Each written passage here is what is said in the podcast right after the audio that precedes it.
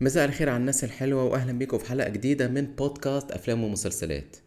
آه، كل عام وأنتم بخير وكل سنة وأنتم طيبين أعزائي المستمعين. إحنا النهاردة في أوائل 2024 نتمنى تبقى سنة سعيدة عليكم جميعا وعلى أم العربية ونبقى كلنا مبسوطين وتبقى أحداثها أحلى من أحداث طبعا السنة اللي فاتت بالذات في أواخر 2023 نتمنى من ربنا يعم السلام دايما ويعم الفرحة علينا كلنا و يا ربنا يبارك لنا في. آه، في أولادنا وفي أسرنا وفي كله يعني آه، طبعا إحنا دلوقتي هن... هن... هنعمل زي إيه overview كده على 2023 من حيث الأفلام اللي اتفرجنا عليها والمسلسلات اللي شفناها أنا هركز في الحلقة دي على أربع أجزاء بالظبط آه، أجزاء هتكلم فيها على أحسن ما شفت السنة دي إيه الحاجات اللي عجبتني جدا وإيه الحاجات اللي كانت نص نص يعني لا هي حلوة قوي ولا هي وحشة قوي.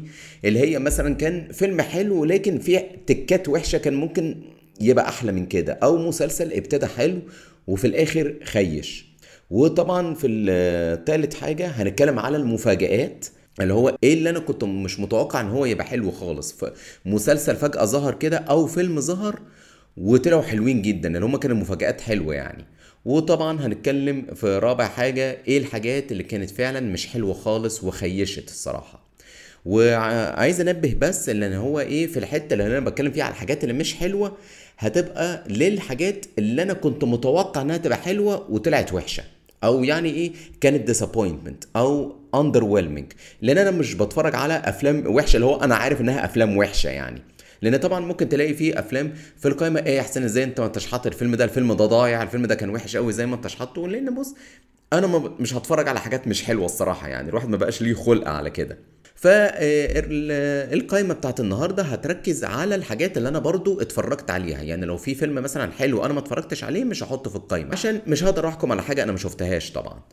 وطبعا يا ريت يا جماعة نتقبل النقد ونتقبل الآراء وإن شاء الله تبقى سنة حلوة علينا وإيه نعمل overview على السنة اللي فاتت وأعمال السنة اللي فاتت.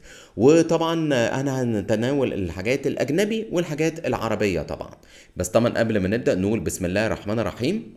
ونبدأ في الجزء الأول في حلقتنا هنبدأ بالحاجات اللي ما كانتش حلوة. خلينا دي نبدأ بيها في الأول. وزي ما قلت إحنا هنتكلم على الأجنبي وعلى العربي. فهنتكلم على الحاجات اللي ما عجبتنيش السنة دي اللي هي كانت اندر ويلمنج وأنا كنت متوقع إنها تبقى حلوة وخيشت الصراحة. وللأسف الشديد أول حاجة معانا وهو طبعا المسلسل الرمضاني الكبير الجزء السابع. مفيش شك يا جماعة إن مسلسلات الكبير بداية من الجزء الأول للجزء الخامس أو الجزء الرابع لأن الخامس ما كانش حلو الصراحة. آه، الأربع أجزاء ما كانش فيهم حلقة وحشة يا جماعة. 30 حلقة في أربعة أدي كده 120 حلقة ما فيهمش حلقة وحشة. غير في حاجات قليلة يعني. وكانوا حلوين جدا ويضحكوا قوي من أحمد مكي لدنيا سمير غانم آه، محمد سلام اللي هو الصراحة الشامبيون بتاع السنة دي الصراحة وهشام إسماعيل وغيرهم طبعا أبطال كتيرة جدا وكانوا أدوارهم جميلة قوي وكلهم كانوا بيضحكونا فالأربع أجزاء كانوا جمال جدا. جه الجزء الخامس ما كانش حلو الصراحة وبعدين جه فترة غياب طويلة طبعا كان أحمد مكي في النص آه، حصلت له ظروف صحية مش حلوة وكده. جينا في رمضان 2022 بالجزء السادس. وأنا ما كنتش متوقع انه هيطلع حلو الصراحة والصراحة طلع في منتهى الجمال. ضحكنا كلنا وكلنا ضحكنا وانبسطنا. طبعا قعدنا نقول مين هيحل محل دنيا سمير غانم وكده. كانت الفنانة رحمة أحمد طبعا اللي كانت مفاجأة علينا كلنا وعليا أنا بالذات. كان فعلا دورها في دور مربوحة كان جميل جدا الصراحة. فكبير الجزء السادس كان حلو قوي. الجزء السابع يا جماعة عكس كده تماما. بكل أسف مسلسل كبير الجزء السابع ما كانش يضحك خالص للأسف. واللي يضايقك كمان إيه؟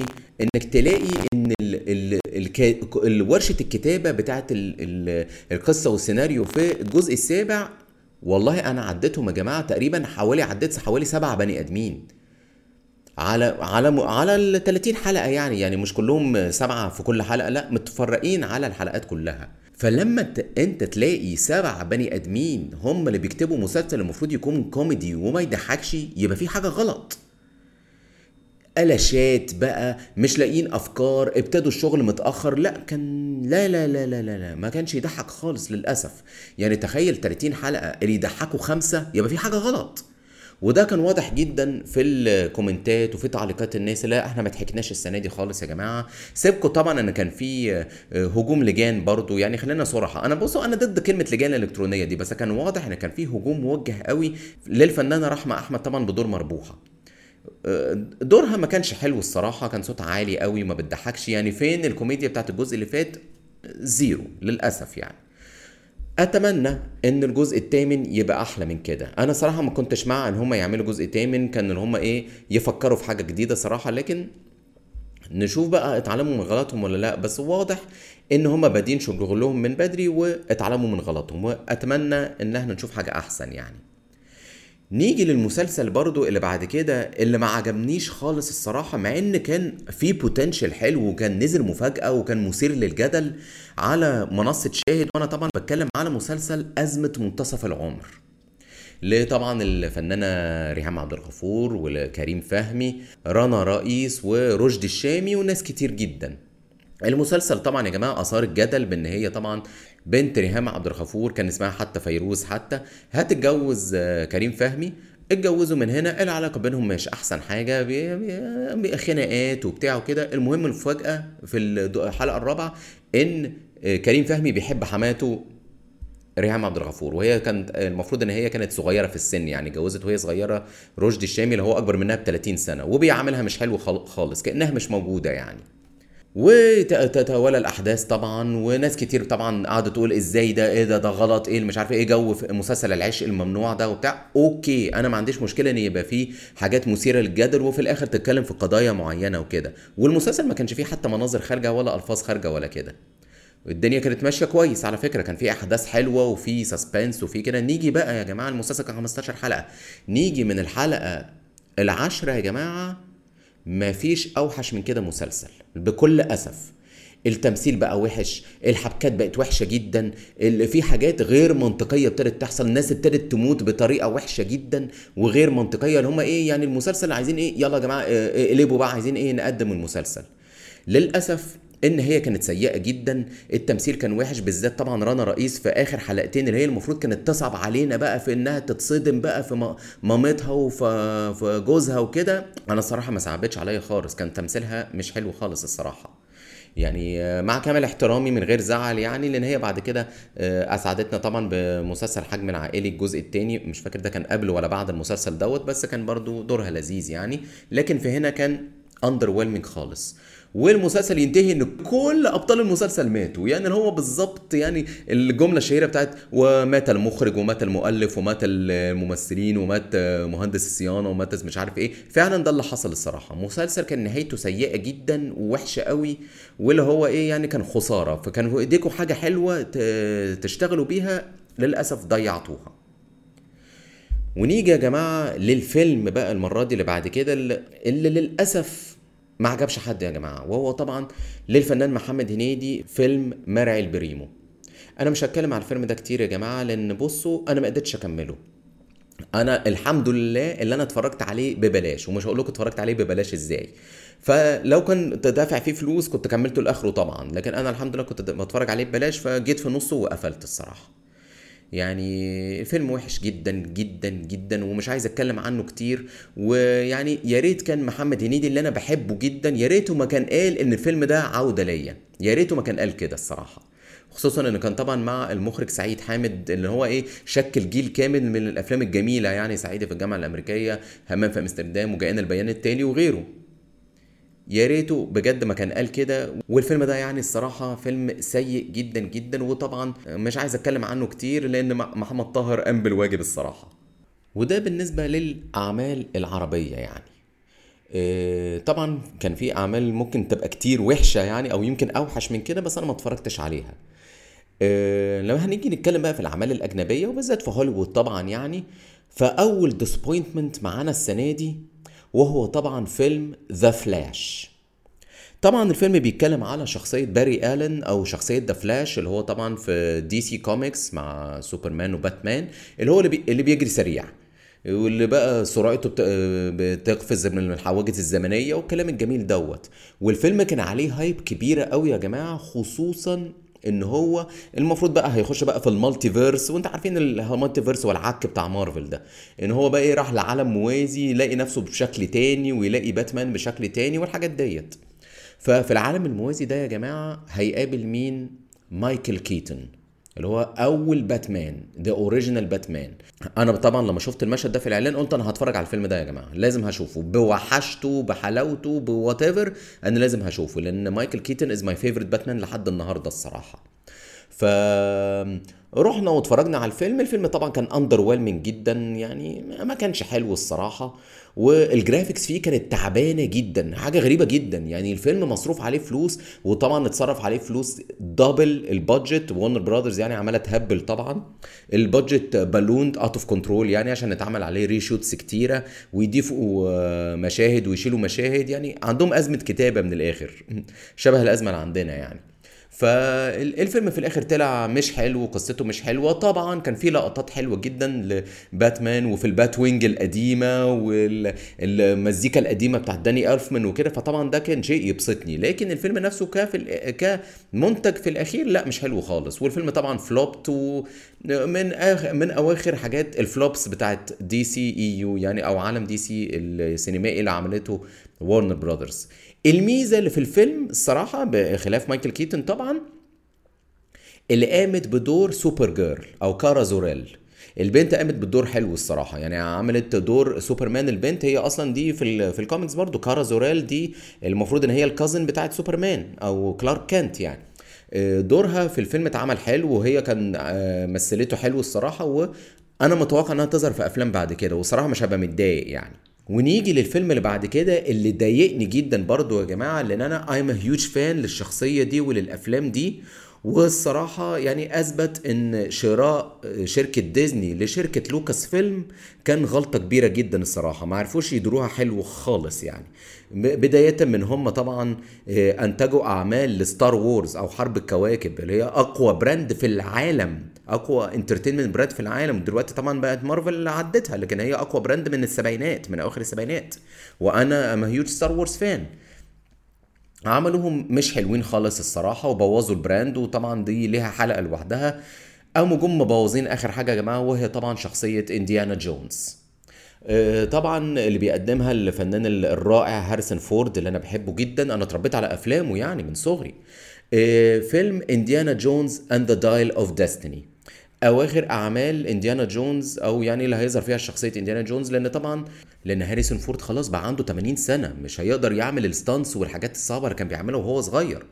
الفيلم يا جماعة تصدقوا أول ربع ساعة في الفيلم كانت حلوة قوي قوي إن هو كان جايب لك إن إحنا فلاش باك في أيام ال Nazis وكده أيام النازية. بقيت أحداث الفيلم كانت في الستينات. فجايب لك أيام النازية الفيلم متصور حلو قوي والأكشن فيها في الحتة دي كانت جميلة جدا. اللي هو إيه؟ رجعني للأفلام القديمة. والفيلم طبعا كان من إخراج المخرج الشاطر جيمس مانجولد يعني اللي هو أنا مستغرب يعني إنه عمل الفيلم ده مش حلو خالص يعني. جيمس مانجولد كان قدم لنا طبعا فيلمين لشخصية الولفرين كانوا حلوين قوي. واحد اللي هو The Wolverine لما كان في اليابان وكده وأنا الصراحة بحب دولة اليابان فالفيلم كان حلو بالنسبة لي. وطبعا فيلم لوجان اللي هو أواخر أفلام هيو جاكمان بشخصية The Wolverine كان فيلم حلو قوي قوي قوي يعني. وطبعا خد reviews عالية جدا وإيرادات في السماء. وعمل فيلم حلو قوي بعد كده اللي هو Ford versus Ferrari بتاع طبعا مات ديمون و كريستيان بيل. الفيلم ده من أحلى أفلام ال races اللي الواحد ممكن يشوفها خصوصا كمان جايب لك الصراع على بين شركة فيراري طبعا وشركة فورد في سباق لمان بتاع فرنسا في الستينات عمل الفيلم طبعا بتاع إنديانا جونز. الفيلم تحسه يا جماعة إن هو فيلمين في فيلم واحد بطريقة وحشة. اللي هو إيه؟ الكتابة هنا كانت بطريقة وبعدين هنا بطريقة تانية. الإخراج هنا بطريقة وبعدين هنا بطريقة تانية. تون الفيلم هنا وبعدين هنا بطريقة تانية خالص. والصراحة يعني ده واضح قوي إن الفيلم برضو اتعمل له reshooting كتيرة جدا.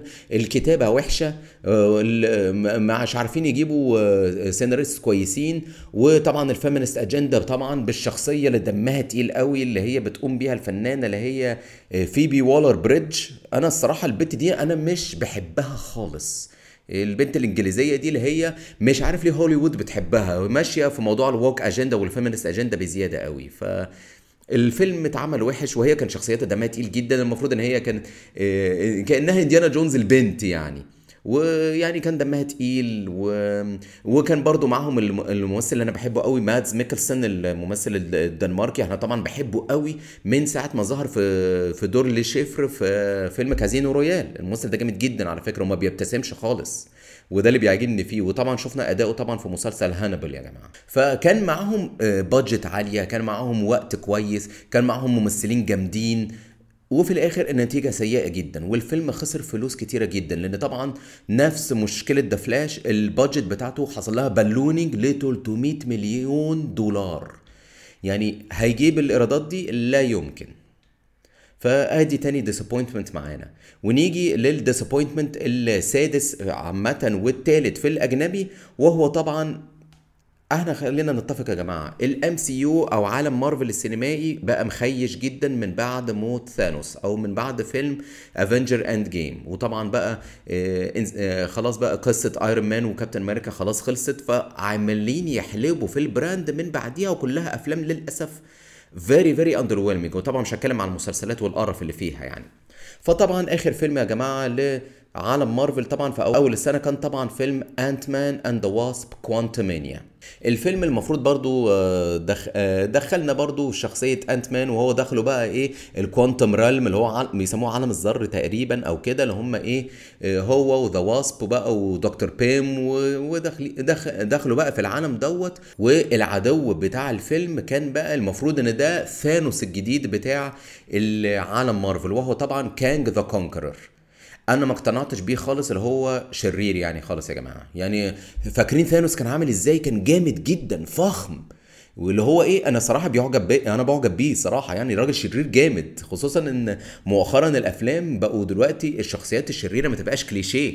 بقت اللي هو انت ممكن تقتنع بكلامه أصلا. فثانوس كان شخصية جامدة جدا. Kang the Conqueror عكس كده تماما. وطبعا المشاكل اللي وقع فيها الفنان جوناثان ميجرز اللي هو قام بدور شخصية كانج هو قام بالدور كويس بس طبعا آه، لابس قضية بنت لذينا في نيويورك إن هو كان ضرب مراته وضرب مش عارف مين في الشارع واتخانق مع مين. يعني من الآخر لابس قضية زبالة كده.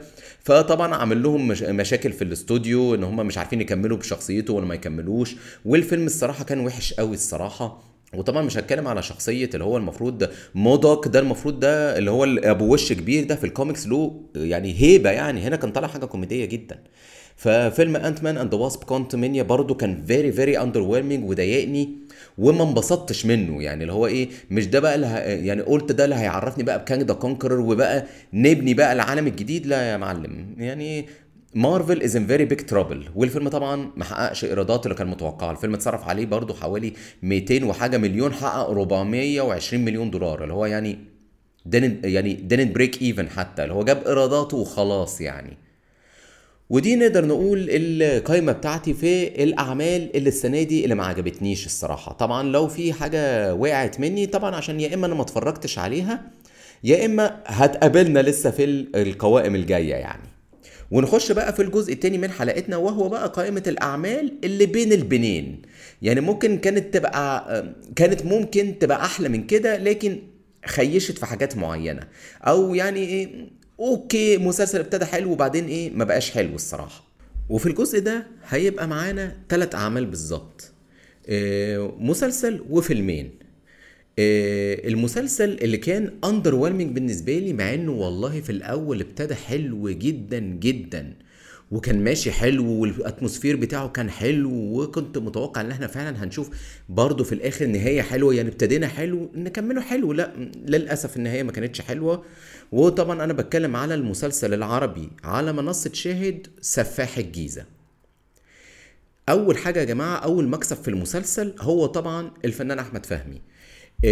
بصوا طبعا أنا آخر حاجة كنت شفتها له كان للأسف يعني كبطولة يعني كان مسلسل رجالة ال- البيت. أنا هقول رجالة البيت مش هقول كلمة وحشة تانية وهكون مؤدب. إيه، طبعا هنا المسلسل ده اتكلمنا عنه إزاي هو كان من أوحش الحاجات اللي اتعملت للأسف يعني. آه، نزل 2020 وكله اعترف إن هو كان مسلسل وحش بما فيهم هو أحمد فهمي. فدوره في سفاح الجيزة عمله حلو قوي يا جماعة. وان هو مش كوميدي. كان طالع إن هو طبعا دور واحد جد وحلو وطيب قدام الناس لكن هو سفاح ومجنون. وطبعا شفنا ما فيش حد في مصر ما كانش بيتفرج عليه تقريبا أو بنتكلم عنه أو نقول هو هينيل إيه في الحلقة الجاية أو مش عارف إيه اللي هيحصل أو هيكتشفوا الجرايم إزاي. هو طبعا هي ما المسلسل مأخوذ عن أحداث حقيقية لسفاح الجيزة دوت. أنا ما كنتش متابعها الصراحة يعني بس طبعا ابتديت أقرأ عنها بعد المسلسل. وأنا عاجبني قوي ال approach ده إن هو فعلا زي المسلسلات اللي على نتفليكس اللي هي American Horror Stories أو American Crime Story true crime stories اللي هي بيجيب لك إيه حاجات حقيقية لمجرمين فعلا ويطبقوها في مسلسل زي ما شفنا المسلسل المنيل ب 60 نيلة دارمر وشفنا كان عامل إزاي يعني. ما كانش بني آدم أصلا. فأنا عاجبني الفكرة بتاعت سفاح الجيزة كده فأتمنى إن هم يعملوا مسلسلات تاني كده على منصة شاهد يعني.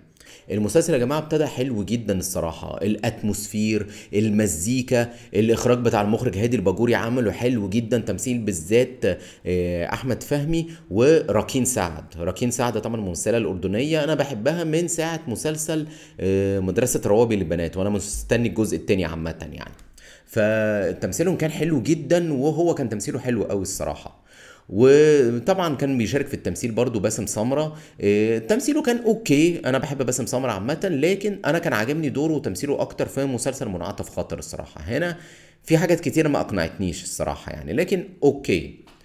إيه، وبصوا يا جماعة يعني بلاش نقسوا قوي على بسنت شوقي. هي في بداية المسلسل كانت الدنيا okay على فكرة ما كانتش مضايقاني يعني.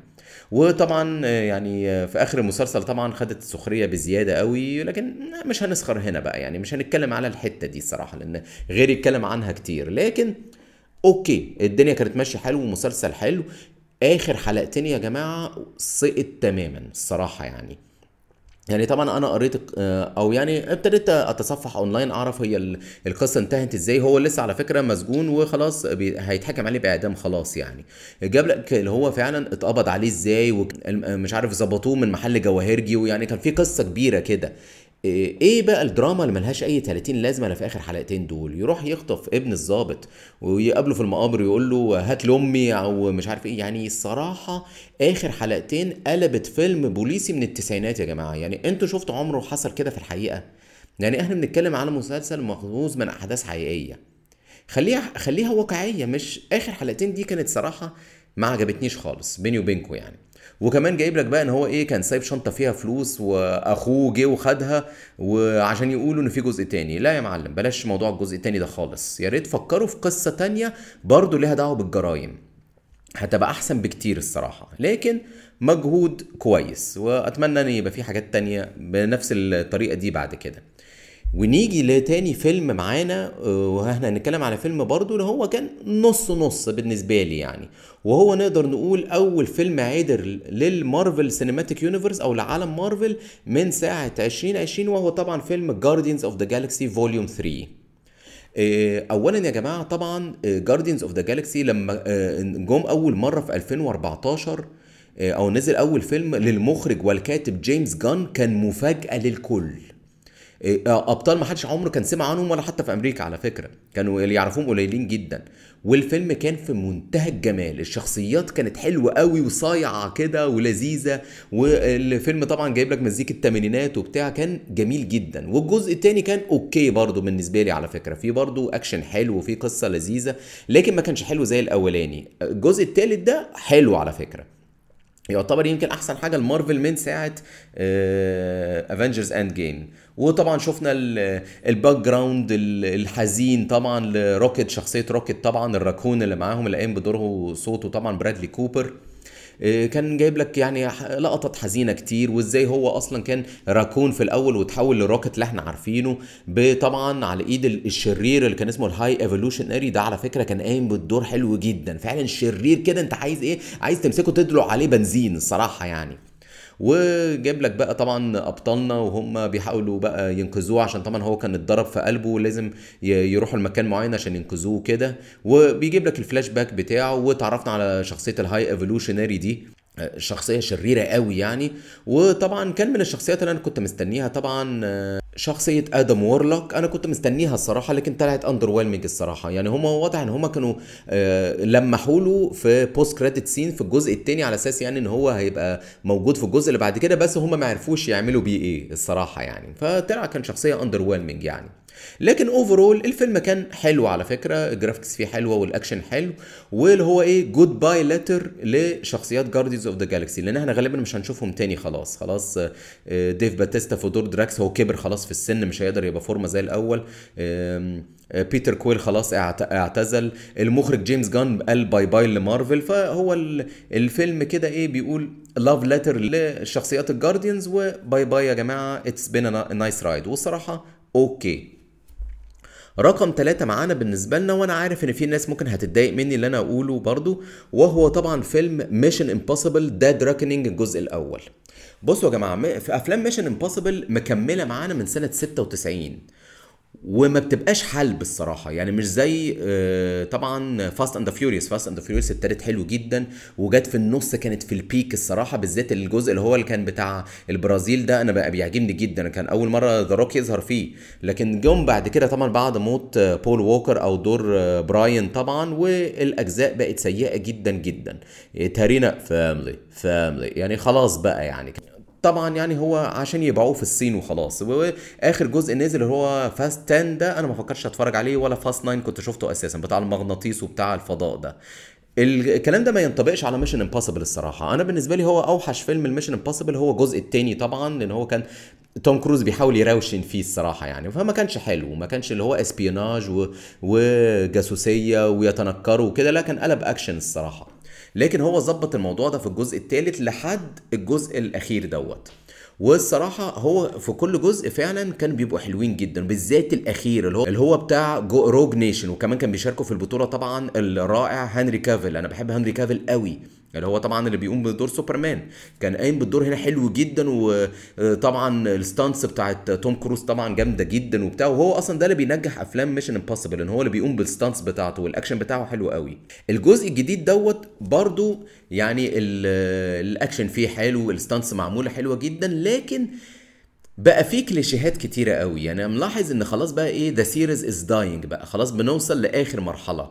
هو طبعا الفيلم جايب لك آه، إن الشرير المرة دي هو AI artificial intelligence هو اللي إيه آه، بي- بيتحكم في حاجات معينة ويضحك علينا وبيضحك على الأعداء والأصدقاء في نفس الوقت. اتعملت حلو الصراحة الحتة ديت. والفيلم طبعا متصور في حتت كتيرة جدا. شفنا طبعا آه، في أبو ظبي وشفنا في فينيس الجميلة وشفنا طبعا في آه، في سويسرلاند أو المفروض أحداث في سويسرلاند بس هم طبعا مصورين الحتة بتاعت ال ال وهو بينط بالموتوسيكل دي يا جماعة صوروها في النرويج دي كان رعب.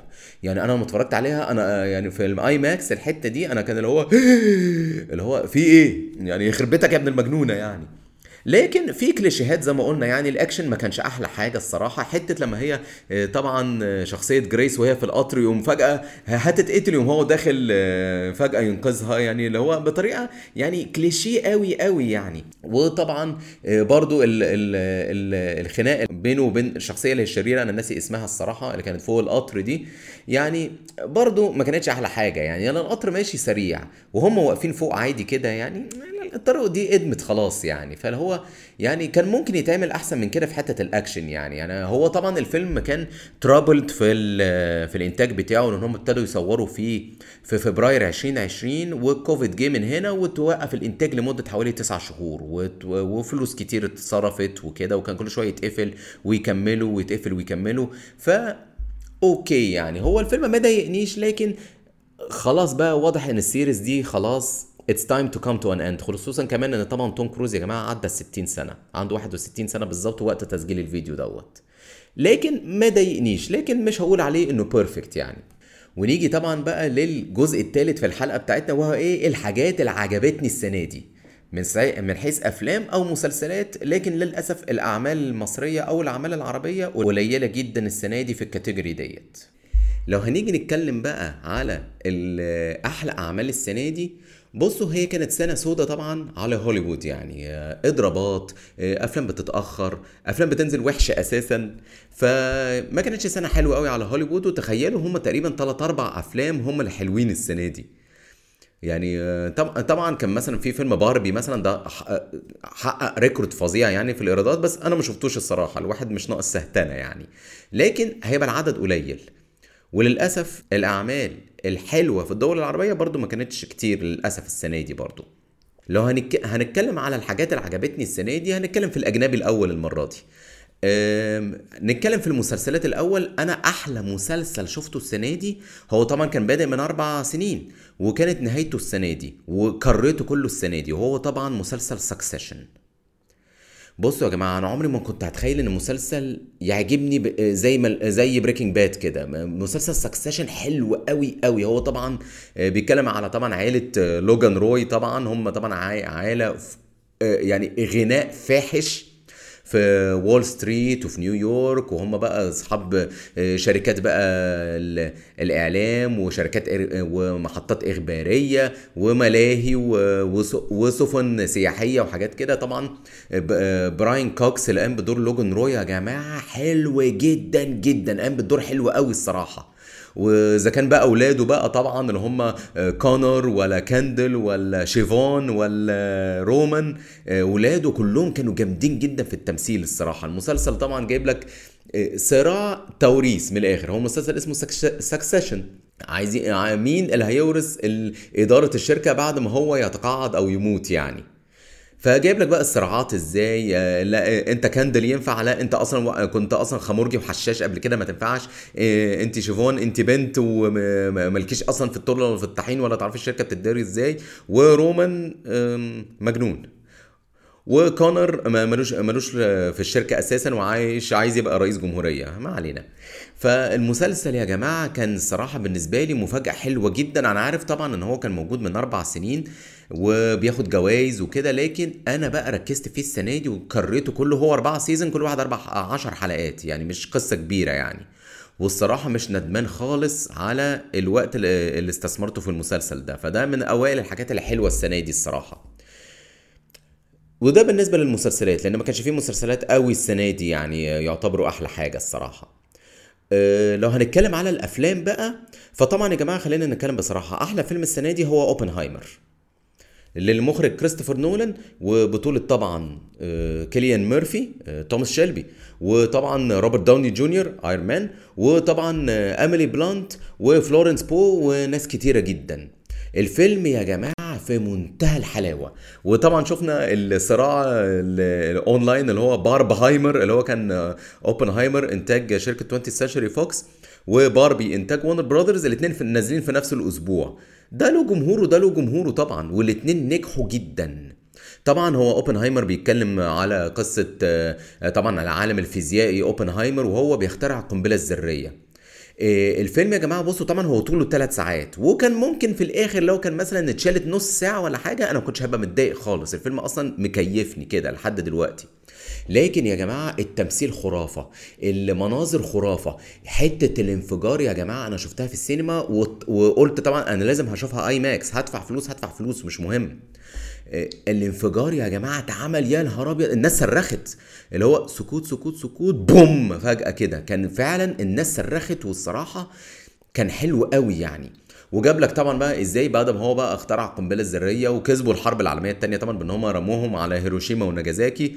طالبين منه بقى يخترع ال hydrogen bomb اللي هي الأقوى بقى. هو بقى بقى حاسس بذنب وحاسس ب guilt يقول لك أنا بقيت مدمر العوالم.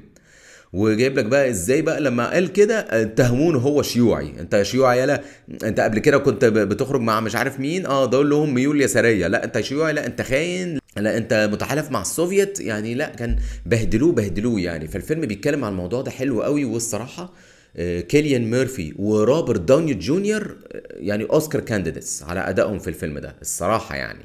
وده فيلم أوبنهايمر ده تقريبا الفيلم المفضل بالنسبة لي السنة دي. لو هنتكلم برضو على الأفلام اللي عجبتني قوي السنة دي يا جماعة وده كان من أول الأفلام اللي نزلت في السنة نزل في شهر مارس طبعا 2023 وأنا بتكلم طبعا على آخر فيلم لأخطر راجل في المجرة جون ويك. فطبعا أنا بتكلم على فيلم جون ويك 4 آخر أعمال البابا ياجا لأن هو فعلا ده آخر عمل ليه. أه، بصوا يا جماعة إحنا طبعا متفقين إن أفلام جون ويك it's video game action حلو قوي soundtrack فشيخ backgrounds حلوة و set pieces حلوة قوي والجو العام أصلا بتاع الفيلم حلو كده يعني ال- ال High Table آه، أوتيل ال Continental العصابات البتاع لا طبعا الجو بتاعه حلو قوي وكان مفاجأة كبيرة جدا جون ويك لما نزل في 2014 فطبعا هنا كان الجزء الأخير بقى. جون ويك 4 يا جماعة أو جون ويك Chapter 4 أنا انبسطت جدا جدا من المشاهدة بتاعته الصراحة. وطبعا كان مع جون ويك طبعا ال martial artist الصيني طبعا دوني ين. الراجل ده جامد جدا بيفكرني بجيت لي كده وبروس لي وجاكي شان وكده. فأداؤه كان حلو جدا بدور طبعا بدور ال assassin كين طبعا كان اسمه كين وكان أعمى. كان قايم بالدور حلو جدا الصراحة حتة الاعمى دي فكرني بمسلسل See كده بتاع بابا فوس كده. ف شفتوا المشهد في جون ويك 4 في اللقطة لما دخل فوق في البيت والكاميرا بقت تصور من فوق اللي هو ال top side view كده وهو ماشي عمال بقى بال shotgun عمال يقتل بقى في ال assassins اللي جايين بيجروا وراه وبتاع. يعني اتعملت حلوة قوي ولا كانها أحلى video game الصراحة. وأنا كراجل gamer أنا الحاجات دي بتعجبني قوي لا ال fighting فيه كان حلو التصوير في كل الأماكن كان حلو سواء بقى في صحراء الأردن سواء في أوساكا في اليابان سواء في باريس ولا سواء في ألمانيا. والحلو إن هو بياخدك من كذا حاجة. يعني بص آه الأردن في الصحراء بقى في الطبيعة. نروح أوساكا اللي هو إيه cyberpunk شوية. نرجع ألمانيا نحس بقى البيوت القديمة. ونروح باريس بقى إيه عاصمة الضوء. فلا حلوة قوي ونهاية حلوة لجون ويك الصراحة يعني. ونتكلم عن الفيلم اللي بعد كده يا جماعة اللي عجبتني جدا السنة دي. أنا بحب المخرج ريدلي سكوت جدا. الراجل يعني متعني في أفلام بالذات ال period dramas أنا بحب أفلامه جدا.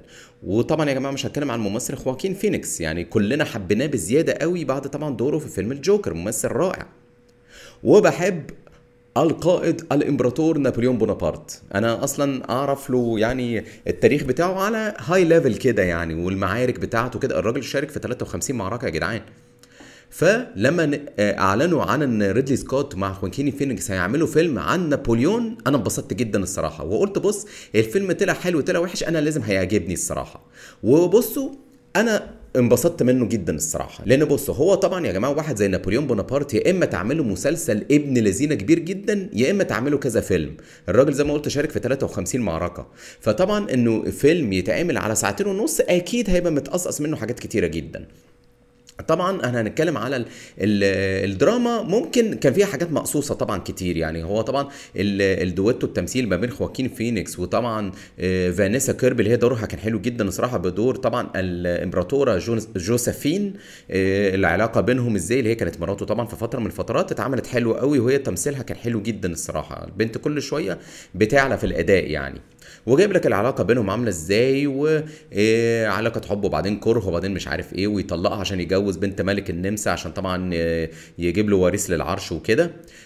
طبعا كان في حتت مقصوصة بكتير لكن هنتكلم في حتة المقصوصين دي في آخر ال- ال- ال- السكشن ديت. لكن يا جماعة تصوير المعارك مفيش أحلى من كده الصراحة. هما في ثلاث معارك آه ثلاث معارك كبار اللي ركز عليهم الفيلم. طبعا معركة تولون اللي كانت طبعا في جنوب فرنسا معركة آه، أوسترليتس اللي هي طبعا كان الجيش الفرنسي ضد ال- الجيش النمساوي والجيش الروسي حتة بتاعت التلج دي كانت حلوة قوي. وطبعا المعركة الشهيرة طبعا اللي هي معركة ووترلو ضد الجيش البريطاني. والجيش الألماني اللي هي طبعا دي بقى اللي كانت الهزيمة بتاعت نابليون يعني. التصوير المعارك طبعا يا جماعة مش هن هنحور في ريدلي سكوت إزاي بيصور المعارك يا جماعة. الراجل رائع في تصوير ال period dramas ودي هنتكلم عنها في حلقة لوحده ريدلي سكوت لازم نعمل له حلقة لوحده يعني. وكان في برضو معارك صغيرة في النص لما جه هنا ال- الرحلة اللي عملها في مصر هنا عند ال عند ال- أبو الهول والأهرامات طبعا الصورة المشهورة. وطبعا معركة بو- بورودينو دي أنا كان نفسي إنها تبقى أكبر لأن معركة بورودينو دي كانت مذبحة يعني دي محتاجة فيلم لوحده يعني. لكن أنا استمتعت بالفيلم جدا الصراحة واللي مصبرني أكتر إن النسخة بتاعته الكاملة اللي هي أربع ساعات هتنزل على Apple TV Plus إيه كمان مثلا شهرين أو ثلاث شهور كده.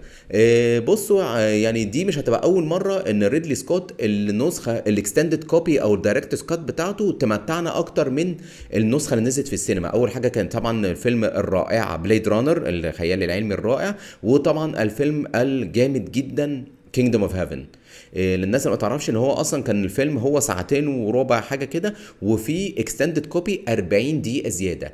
فيلم تاني خالص. فشحال بقى إن فيلم نابوليون ساعتين ونص وهينزل منه النسخة أربع ساعات يعني في ساعة ونص زيادة. ده فيلم تاني خالص يا جماعة.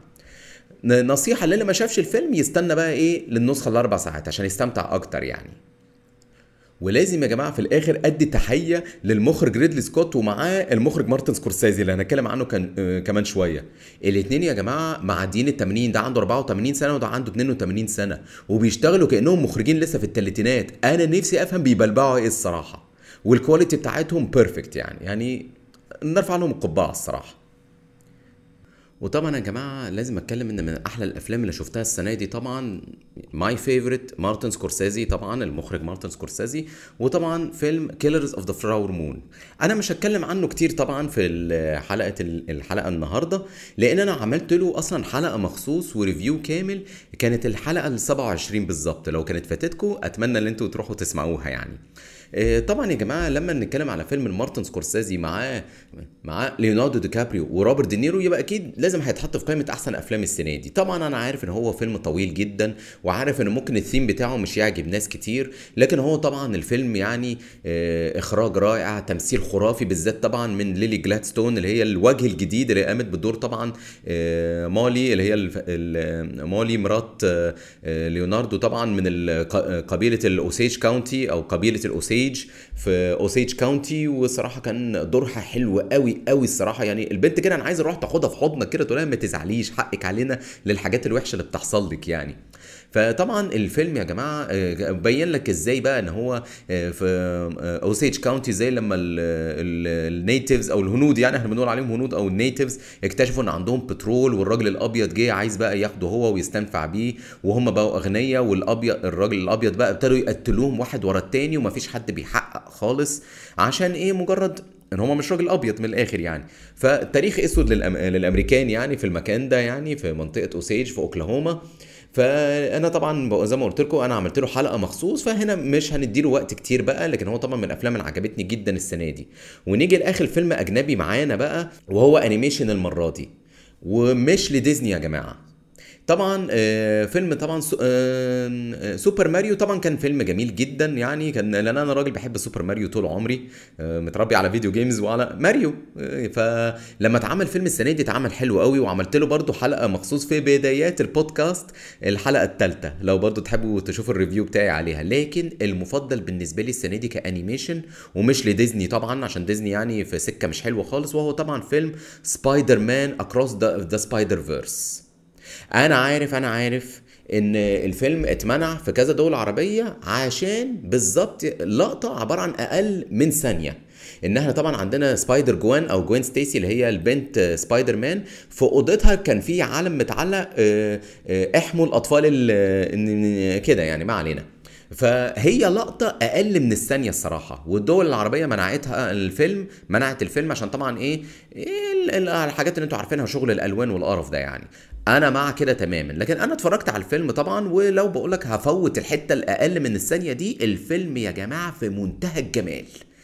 طبعا إحنا شفنا الجزء الأولاني اللي هو اللي هو Spider-Man Into the Spider-Verse سنه 2018 والصراحة كلنا اتفاجئنا بالحلاوة بتاعته اللي هو كان إنتاج شركة سوني طبعا Sony Animation وجاب لك بقى إيه آه مايلز موراليس اللي هو تلميذ سبايدر مان وهو إيه بيتزعم الفيلم بقى. وجاب لك اللي هو إيه ال Spider-Verse بقى اللي هو بقى فيه كذا سبايدر مان معاه في نفس ال universe اللي هو فيها واتعمل حلو قوي قوي الألوان تجنن. الأكشن معمول حلو قوي كأنك بتتفرج فعلا على comic لدرجة إن هم كانوا قاصدين إن هم يقللوا عدد ال frames عشان يبان إن أنت بتقرأ comic أو كرتون في مستوحاة من comic. فاتعمل حلو جدا وخد أوسكار على فكرة في 2018 خمس سنين عشان يعملوا الجزء الجديد. وعلى فكرة ال making بتاعه كان يقال ان كان فيه حوالي 4000 animator وكانوا بيتعاملوا مش حلو الصراحة. كان يقال إن ال working environment كانت وحشة قوي. المخرج كل شوية عمال يغير في لقطات changes فجأة بعد ما يكونوا خلصوا شغلهم يدخلهم تاني يشتغلوا تاني لدرجة إن الفيلم كان خلصان قبل عرضه بحوالي 10 أيام. ودي يعني حاجة ما بتتعملش غير في صناعة السينما المصرية يعني. فده كان عيب يعني. ف ما علينا دي مشاكلهم يحلوها مع بعض. لكن لو اتفرجتوا على الفيلم يا جماعة بصوا يعني مش معقولة الألوان ولا الحلاوة في ال... بيفرق لك كل universe أو كل عالم ب color palette مختلف. يعني تقدر تقول العالم ده بتاع مايلز العالم ده بتاع جوين ستيسي العالم ده بتاع اللي هو سبايدر مان اللي في حاجة شبه الهند العالم ده بتاع المستقبل. فاتعملت حلوة قوي قوي قوي يعني يعني أنا والفيلم طويل كمان و dark يعني الجزء الثاني من الفيلم آه، أحلى من الجزء الأولاني و much darker يعني أنا على فكرة النص الأولاني من الفيلم أنا كنت في آخره ابتديت أزهق شوية الصراحة يعني قلت ألوان كتير وبتاع وكده أنا كنت زهقت. لما جيت بقى في النص التاني من الفيلم أحلى بكتير و more mature وكمان بقى انتهى الفيلم ان بقى إيه تكملة للجزء اللي بعد كده اللي هو اسمه إيه Beyond the Spider-Verse اللي هو المفروض إنه نازل أعتقد كمان سنتين أو حاجة كده. ما أعرفش هيعملوها إزاي الفيلم ده قعد خمس سنين وده هينزلوها في سنتين ما أعرفش هيعملوها إزاي. لكن الفيلم الصراحة في منتهى الجمال وعجبني جدا جدا جدا. سيبنا بالأجنبي بقى هنخش في الأعمال المصرية. ومعناش غير هم حاجتين اللي عجبوني الصراحة السنة دي. ما تنسوش إحنا لسه عندنا كاتيجوري اللي هي الحاجات اللي كانت مفاجأة. يعني اللي هو إيه حاجات أنا ما كنتش أتوقع إنها تطلع حلوة وطلعت حلوة. فلو هنتكلم عن الحاجات اللي أنا كنت عارف إنها تطلع حلوة وطلعت حلوة فعلا نبدأ الأول في المسلسل اللي عجبني جدا السنة دي مسلسل الرمضاني اللي نزل على ام بي سي وهو طبعا مسلسل الهرشة السبعة. لأمينة خليل ومحمد شاهين وعلي قاسم وأسماء جلال. المسلسل يا جماعة الواقعية فيه عجبتني جدا جدا جدا.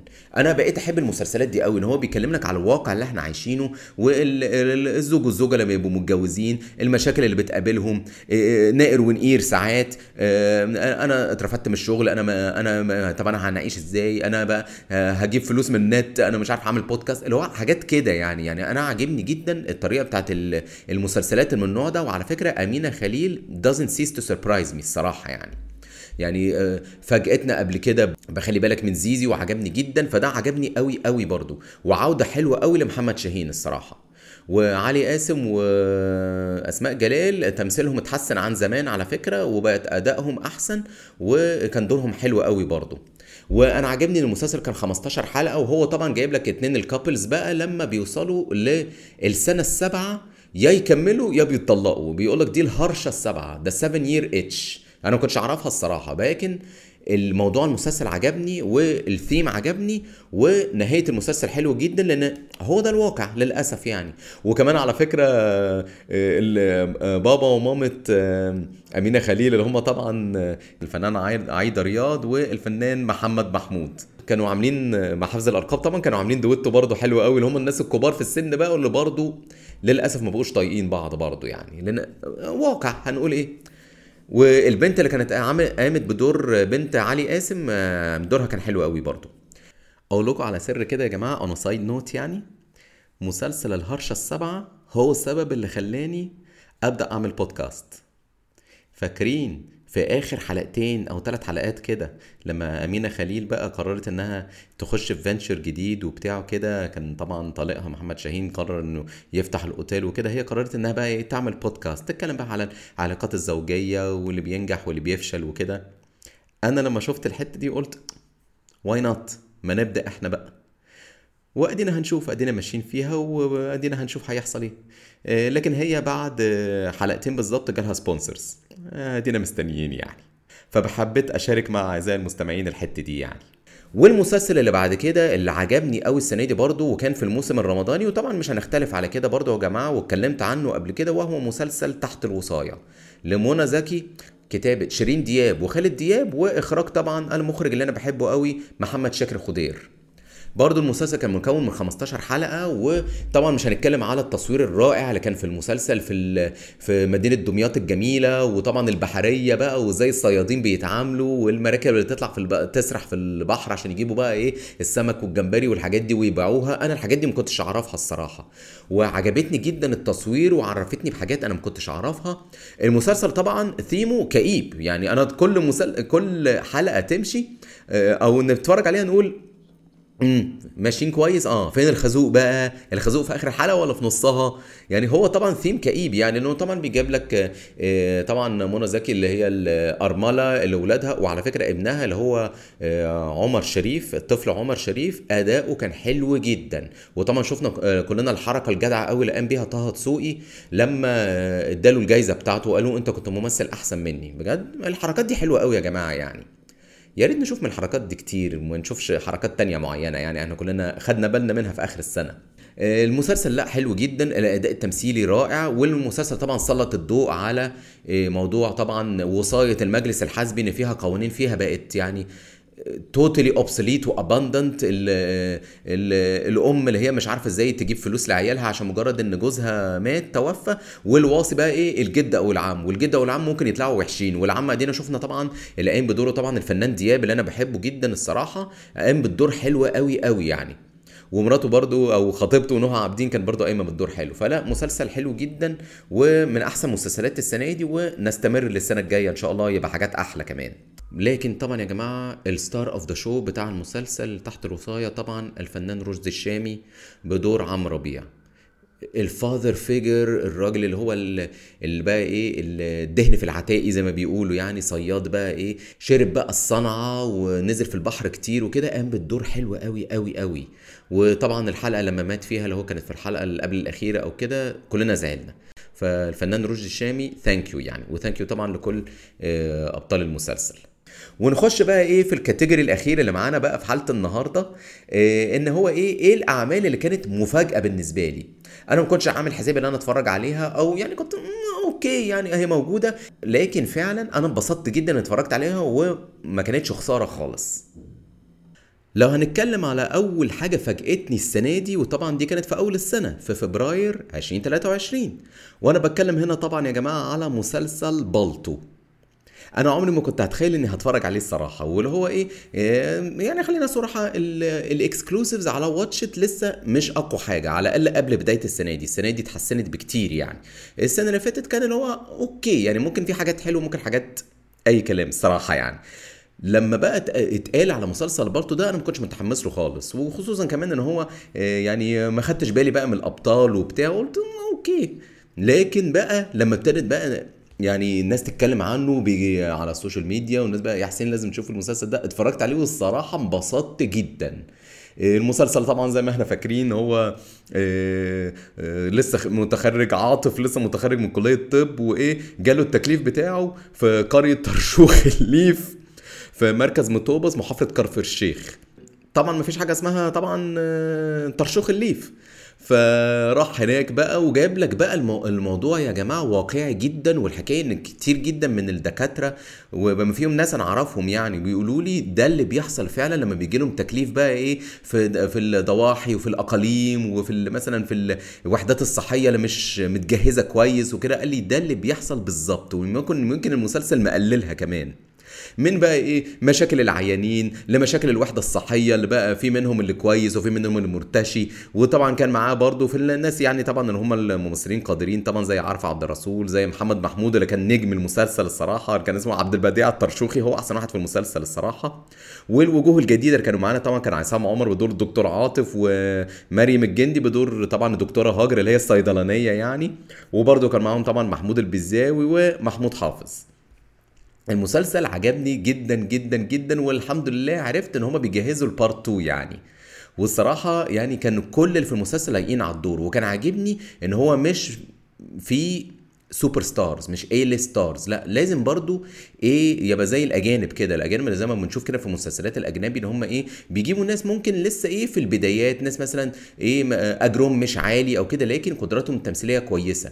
وده اللي عجبني في المسلسل ده جدا. يعني فعلا أنا انبسطت وانبسطت من الواقعية وانبسطت من ال- الجو العام يعني يعني very very good يعني. فده كان مفاجأة حلوة قوي ويستحق يتحط في القائمه الحاجات بقى اللي فاجئتني السنة دي يا جماعة تخيلوا في في الأعمال المصرية اللي فاجئتني فيلمين في الموسم الصيفي لكن جم متأخر. يعني بصوا دايما الموسم الصيفي يبدأ كده مثلا إيه في شهر سبعة وإيه يكمل كده مثلا لآخر تمانية. فدايما في شهر سبعة ينزل إيه الأفلام اللي دايما عليها العين بتاعت بقى بتاعت ال A stars وكده يعني. اللي نزلوا في شهر سبعة يا جماعة ال reviews عليهم ما كانتش أحلى حاجة ومنهم طبعا كان لمعي البريمو يعني. والأفلام اللي نزلت في الفترة دي الناس قالوا "مم، عادي يعني ما ما هوش أحسن حاجة. موسم صيفي مش حلو لدرجة إن يا جماعة الموسم الصيفي السنة دي جه متأخر لأن الأعمال الحلوة نزلت في النص التاني من شهر 8 وبعد كده. الصراحة وأثبتوا إن هم حلوين جدا وده اللي يثبت إن يا جماعة الحلو هيتقال عليه حلو. والحلو هو اللي الناس هتروح تتفرج عليه. والوحش الناس هتقولك إيه؟ أنا هتفرج عليه ليه؟ وهدفع فلوس فيه ليه؟ ما هو يعني أضيع وقتي على حاجة أحسن. فالحلو هيتقال عليه حلو. فحتى لو نزل في وقت مش الوقت التايمنج الحلو اللي في الموسم أو كده يعني. فلو هنتكلم بقى طبعا أنا المفاجأة بتاعت السنة دي كان طبعا من أوائل المفاجآت. طبعا فيلم وش في وش يا جماعة. الفيلم ده عجبني جدا جدا وأنا ما كنتش أتخيل إن هخش أشوفه أساسا. الفيلم طبعا كان من آه، بطولة أمينة خليل بطولة محمد ممدوح أمينة خليل فاجئتني مش مرة مرتين السنة دي. مسلسل الهرشة السبعه وفيلم وش في وش. محمد ممدوح محمد شاهين برضو آه، بيومي فؤاد آه، عم- آه، أنوشك أنوشكا دورها حلو جدا. سلوى محمد علي آه، أسماء جلال. هي واضح إن هي وامينه خليل بيبقوا دايما دويتو ساعات في معظم أعمالهم يعني.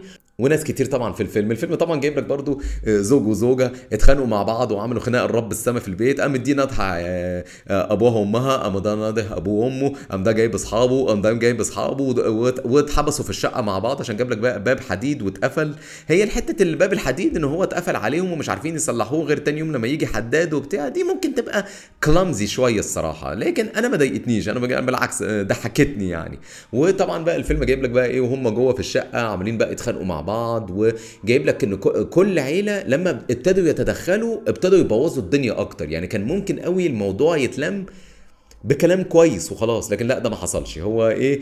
دي جابت أهلها وده جاب أهله وده قام جايب صحابه وده جايب أخوها اللي بيتخانق مع أخوه التاني وكان يعني فيلم فكرته لذيذة جدا ودمه خفيف وأنا اتفرجت وانبسطت جدا. واللي عاجبني إن هو كان معظم أبطال ال- الفيلم معظمهم نجوم تلفزيون تلفزيون أصلا. فإن هم يطلعوا في فيلم كان دي حاجة تبقى لذيذة و breath of fresh air برضه يعني.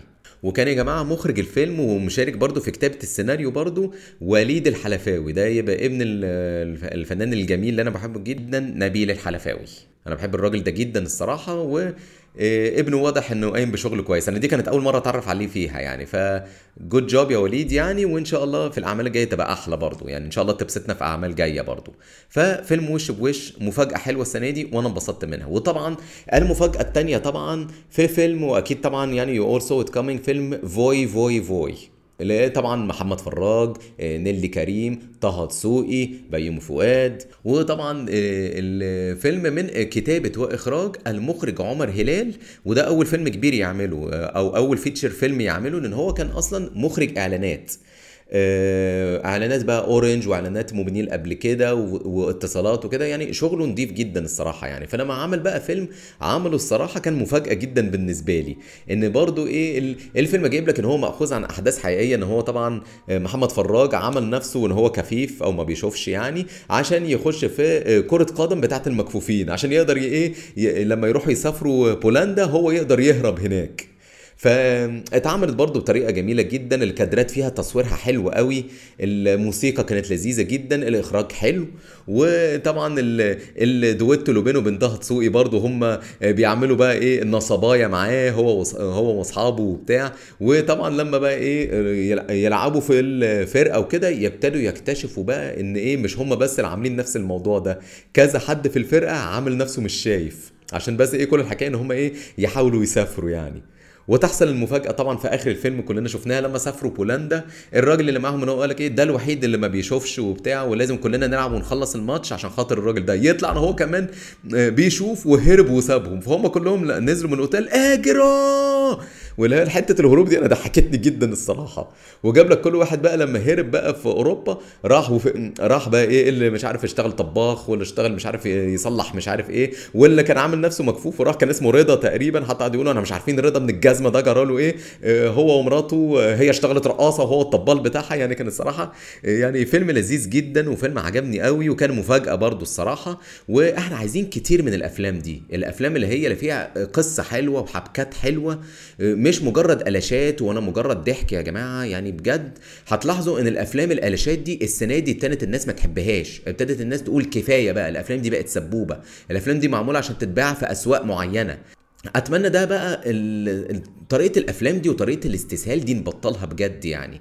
يعني فيلم وش في وش وفوي وفوي فوي الصراحة متعوب فيهم و out of the box اللي هو عيب اللي إحنا نقوله out of the box لأن السينما المصرية طول عمرها يعني تفكر out of the box مش إن هي تستسهل كده. فالفيلم حلو جدا الصراحة و يترشح لأوسكار؟ ما أعتقدش. صعبة يعني يعني لسه بدري قوي علينا على ان إحنا نخش في السكة دي يعني. لكن great effort ونيجي لآخر مفاجأة معانا السنة دي ودي بقى حاجة أجنبي المرة دي وأنا ما كنتش أتوقع إن هي تعجبني خالص وهو مسلسل بقى المرة دي وهو طبعا أنا بتكلم على مسلسل Gen V أو Generation V اللي هو spin-off أو أو تكملة يعني كده مستقلة لوحدها على المسلسل الرائع ال- الفظيع The Boys طبعا كلنا شفنا The Boys Homelander و Butcher و Starlight طبعا الفرقة الفظيعة دي يعني والد- والدم والعنف والحاجات دي. أنا بحب جدا السلسلة دي وأنا مستني ال season 4 بقى. يعني الواحد هارم لهذه اللحظة. Gen V المفروض إن هو مستوحاه من The Boys وجايب لك في حتة parallel بقى اللي هو إيه ال- اللي هم إيه السن الصغير وهم داخلين جامعة معينة اللي هي إيه بتمرن ال- السupes أو تمرن يبقوا superheroes يعني. ونكتشف بقى إن الجامعة إيه تحتيها معمل وزي سجن وبيجيبوا بقى ال supes يعملوا عليهم تجارب وبتاع يعني اللي هو إيه في conspiracy في الموضوع يعني ومؤامرة وكده. المسلسل الصراحه فاجئني إن هو نفس ال quality بتاعت The Boys إن هو أنا كنت فاكر إن هو بس مجرد سبوبة وخلاص لا ما طلعش سبوبة الصراحة. إن هو برضو جايب لك برضو الشخصيات بال powers بتاعتهم بالصراع مع ال human مع البشر وكده. وكل واحد طبعا ال powers بتاعته بتعمل دم في كل حتة ودمار في كل حتة اللي هي ال extreme بتاعت The Boys يعني. ونهاية المسلسل جايب لك إن هو هيبقى فيه جزء مهم فيها هيأثر على season 4 ودي حاجة تبسطني الصراحة. فهو كان مفاجأة بالنسبة لي الصراحة Gen V و recommendation للي بيحب مسلسلات The Boys أنا side note يا جماعة ناس كتير هتسأل هو مسلسل جعفر العمدة فين؟ بصراحة هو كان overrated جدا عجبني بس overrated بس أنا مش عارف أحطه برضه هل هو حلو قوي هل هو وحش جدا هل هو نص نص هل هو مفاجأة؟ لا هو overrated زي بالظبط يا جماعة مسلسل Wednesday على نتفليكس بس ده نزل السنة اللي فاتت 2022 آه، هل هو أحلى حاجة؟ لا طبعا. أوحش حاجة؟ لا. بين البنين مش عارف لكن هو overrated جدا. آه حلو يعني okay لكن مش أحلى حاجة طبعا. و overrated بزيادة الصراحه يعني. عشان بس اشتهرت له رقصه على التيك توك ومش عارف اشتهرت له إيه فبقى overrated بزيادة الصراحه فأنا شايف إن ده نفس الحكاية برضو في جعفر العمدة يعني. فيعني ارجوكم تقبلوا الرأي المتواضع يعني. بس يا جماعة آدي كده نقدر نقول إن ده ملخص كده لأحداث السنة من حيث الأفلام والدراما اللي اتفرجنا عليها يعني. وكانت سنة يعني مش أحلى سنة الصراحة. يعني يعني كان في سنين قبل كده كانت أحلى بكتير. أتمنى في 2024 تبقى الدنيا أحلى وتبقى الأفلام والأعمال الدرامية أحلى والظروف طبعا اللي حوالينا تبقى أحسن بكتير. آه، طبعا آه، بقول لكم كل سنة وأنتم طيبين وإن شاء الله تبقى سنة حلوة علينا كلنا. آه، طبعا لو الحلقة عجبتكم فضلا وليس امرا تعملوا لي follow على Apple Podcasts وعلى Spotify وعلى امازون وعلى أنغامي. أنا توسعت يعني في ال podcast broadcasting يعني. فلو عجبتكم تعملوا لي follow وتشغلوا ال notification عشان يجيلكم كل ما هو جديد. بشكركم أعزائي المستمعين وارجوكم إن شاء الله في الحلقة الجاية وعام سعيد عليكم جميعا.